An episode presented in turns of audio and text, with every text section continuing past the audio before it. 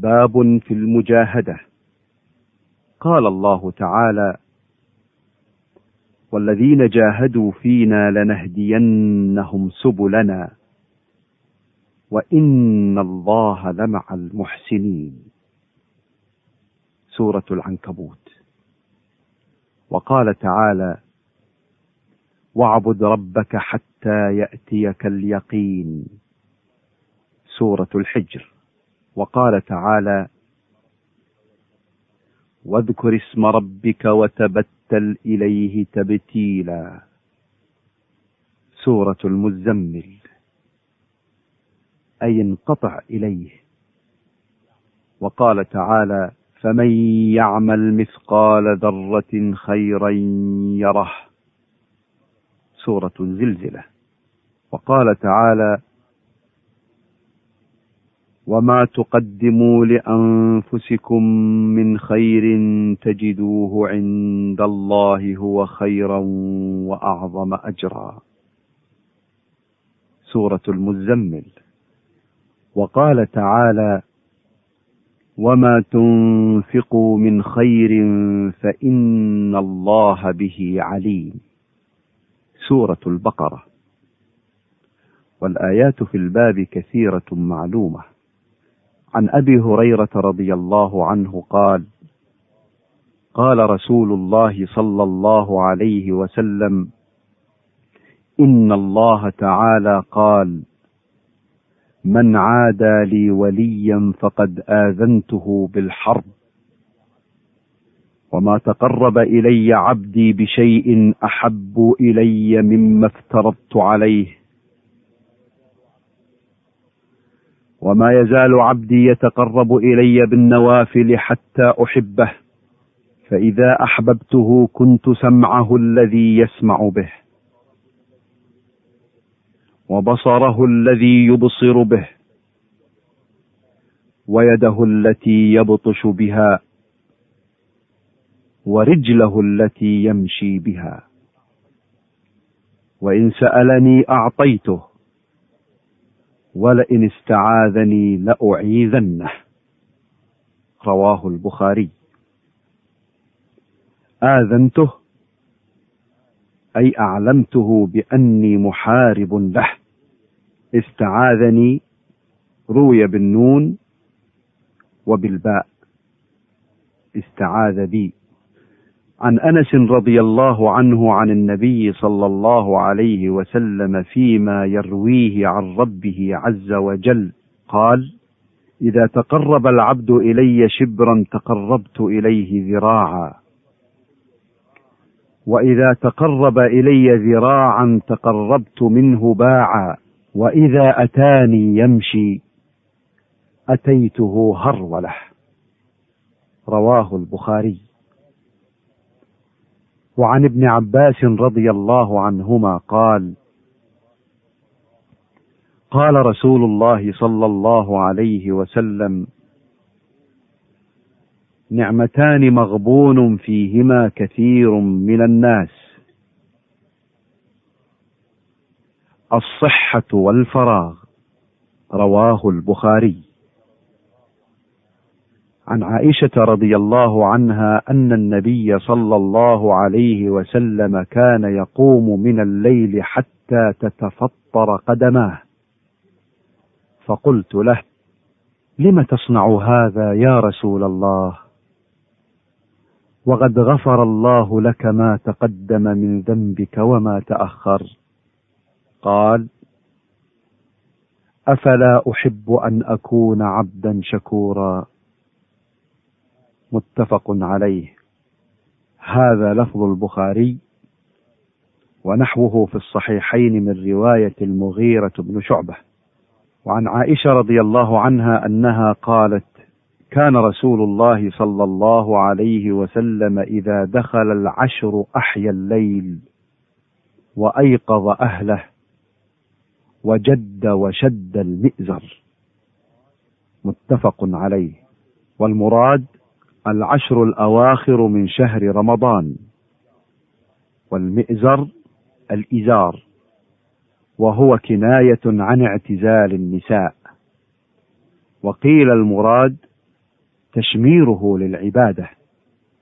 يقال شددت لهذا الأمر مئزري أي تشمرت وتفرغت له. عن أبي هريرة رضي الله عنه قال قال رسول الله صلى الله عليه وسلم المؤمن القوي خير وأحب إلى الله من المؤمن الضعيف وفي كل خير. احرص على ما ينفعك واستعن بالله ولا تعجز. وإن أصابك شيء فلا تقل لو أني فعلت كان كذا وكذا.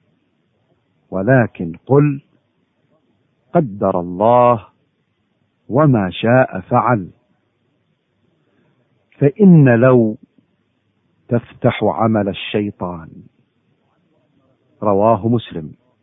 وعنه أن رسول الله صلى الله عليه وسلم قال حجبت النار بالشهوات وحجبت الجنة بالمكاره. متفق عليه. وفي رواية لمسلم حفت بدل حجبت وهو بمعناه أي بينه وبينها هذا الحجاب فإذا فعله دخلها. عن أبي عبد الله حذيفة بن اليمان رضي الله عنهما قال صليت مع النبي صلى الله عليه وسلم ذات ليلة فافتتح البقرة. فقلت يركع عند المئة ثم مضى. فقلت يصلي بها في ركعة فمضى. فقلت يركع بها ثم افتتح النساء فقرأها. ثم افتتح آل عمران فقرأها. يقرأ مترسلا. إذا مر بآية فيها تسبيح سبح وإذا مر بسؤال سأل وإذا مر بتعوذ تعوذ ثم ركع فجعل يقول سبحان ربي العظيم. فكان ركوعه نحوا من قيامه. ثم قال سمع الله لمن حمده. ربنا لك الحمد. ثم قام قياما طويلا قريبا مما ركع. ثم سجد. فقال سبحان ربي الأعلى. فكان سجوده قريبا من قيامه. رواه مسلم. عن ابن مسعود رضي الله عنه قال صليت مع النبي صلى الله عليه وسلم ليلة فأطال القيام حتى هممت بأمر سوء. قيل وما هممت به؟ قال هممت أن أجلس وأدعه. متفق عليه. عن أنس رضي الله عنه أن رسول الله صلى الله عليه وسلم قال يتبع الميت ثلاثة أهله وماله وعمله فيرجع اثنان ويبقى واحد يرجع أهله وماله ويبقى عمله. متفق عليه. عن ابن مسعود رضي الله عنه قال قال النبي صلى الله عليه وسلم الجنة أقرب إلى أحدكم من شراك نعله والنار مثل ذلك رواه البخاري. عن أبي فراس ربيعة بن كعب الأسلمي خادم رسول الله صلى الله عليه وسلم ومن أهل الصفة رضي الله عنه قال كنت أبيت مع رسول الله صلى الله عليه وسلم فآتيه بوضوئه وحاجته فقال سلني. فقلت أسألك مرافقتك في الجنة. فقال أو غير ذلك؟ قلت هو ذاك. قال فأعني على نفسك بكثرة السجود. رواه مسلم. عن أبي عبد الله ويقال أبو عبد الرحمن ثوبان مولى رسول الله صلى الله عليه وسلم قال سمعت رسول الله صلى الله عليه وسلم يقول عليك بكثرة السجود فإنك لن تسجد لله سجدة إلا رفعك الله بها درجة. وحط عنك بها خطيئة. رواه مسلم. عن أبي صفوان عبد الله بن بسر الأسلمي رضي الله عنه قال قال رسول الله صلى الله عليه وسلم خير الناس من طال عمره وحسن عمله. رواه الترمذي وقال حديث حسن. بسر بضم الباء وبالسين المهملة.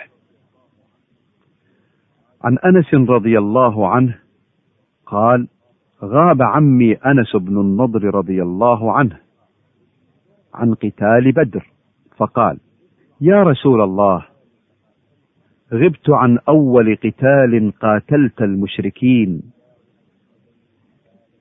لئن الله أشهدني قتال المشركين ليرين الله ما أصنع.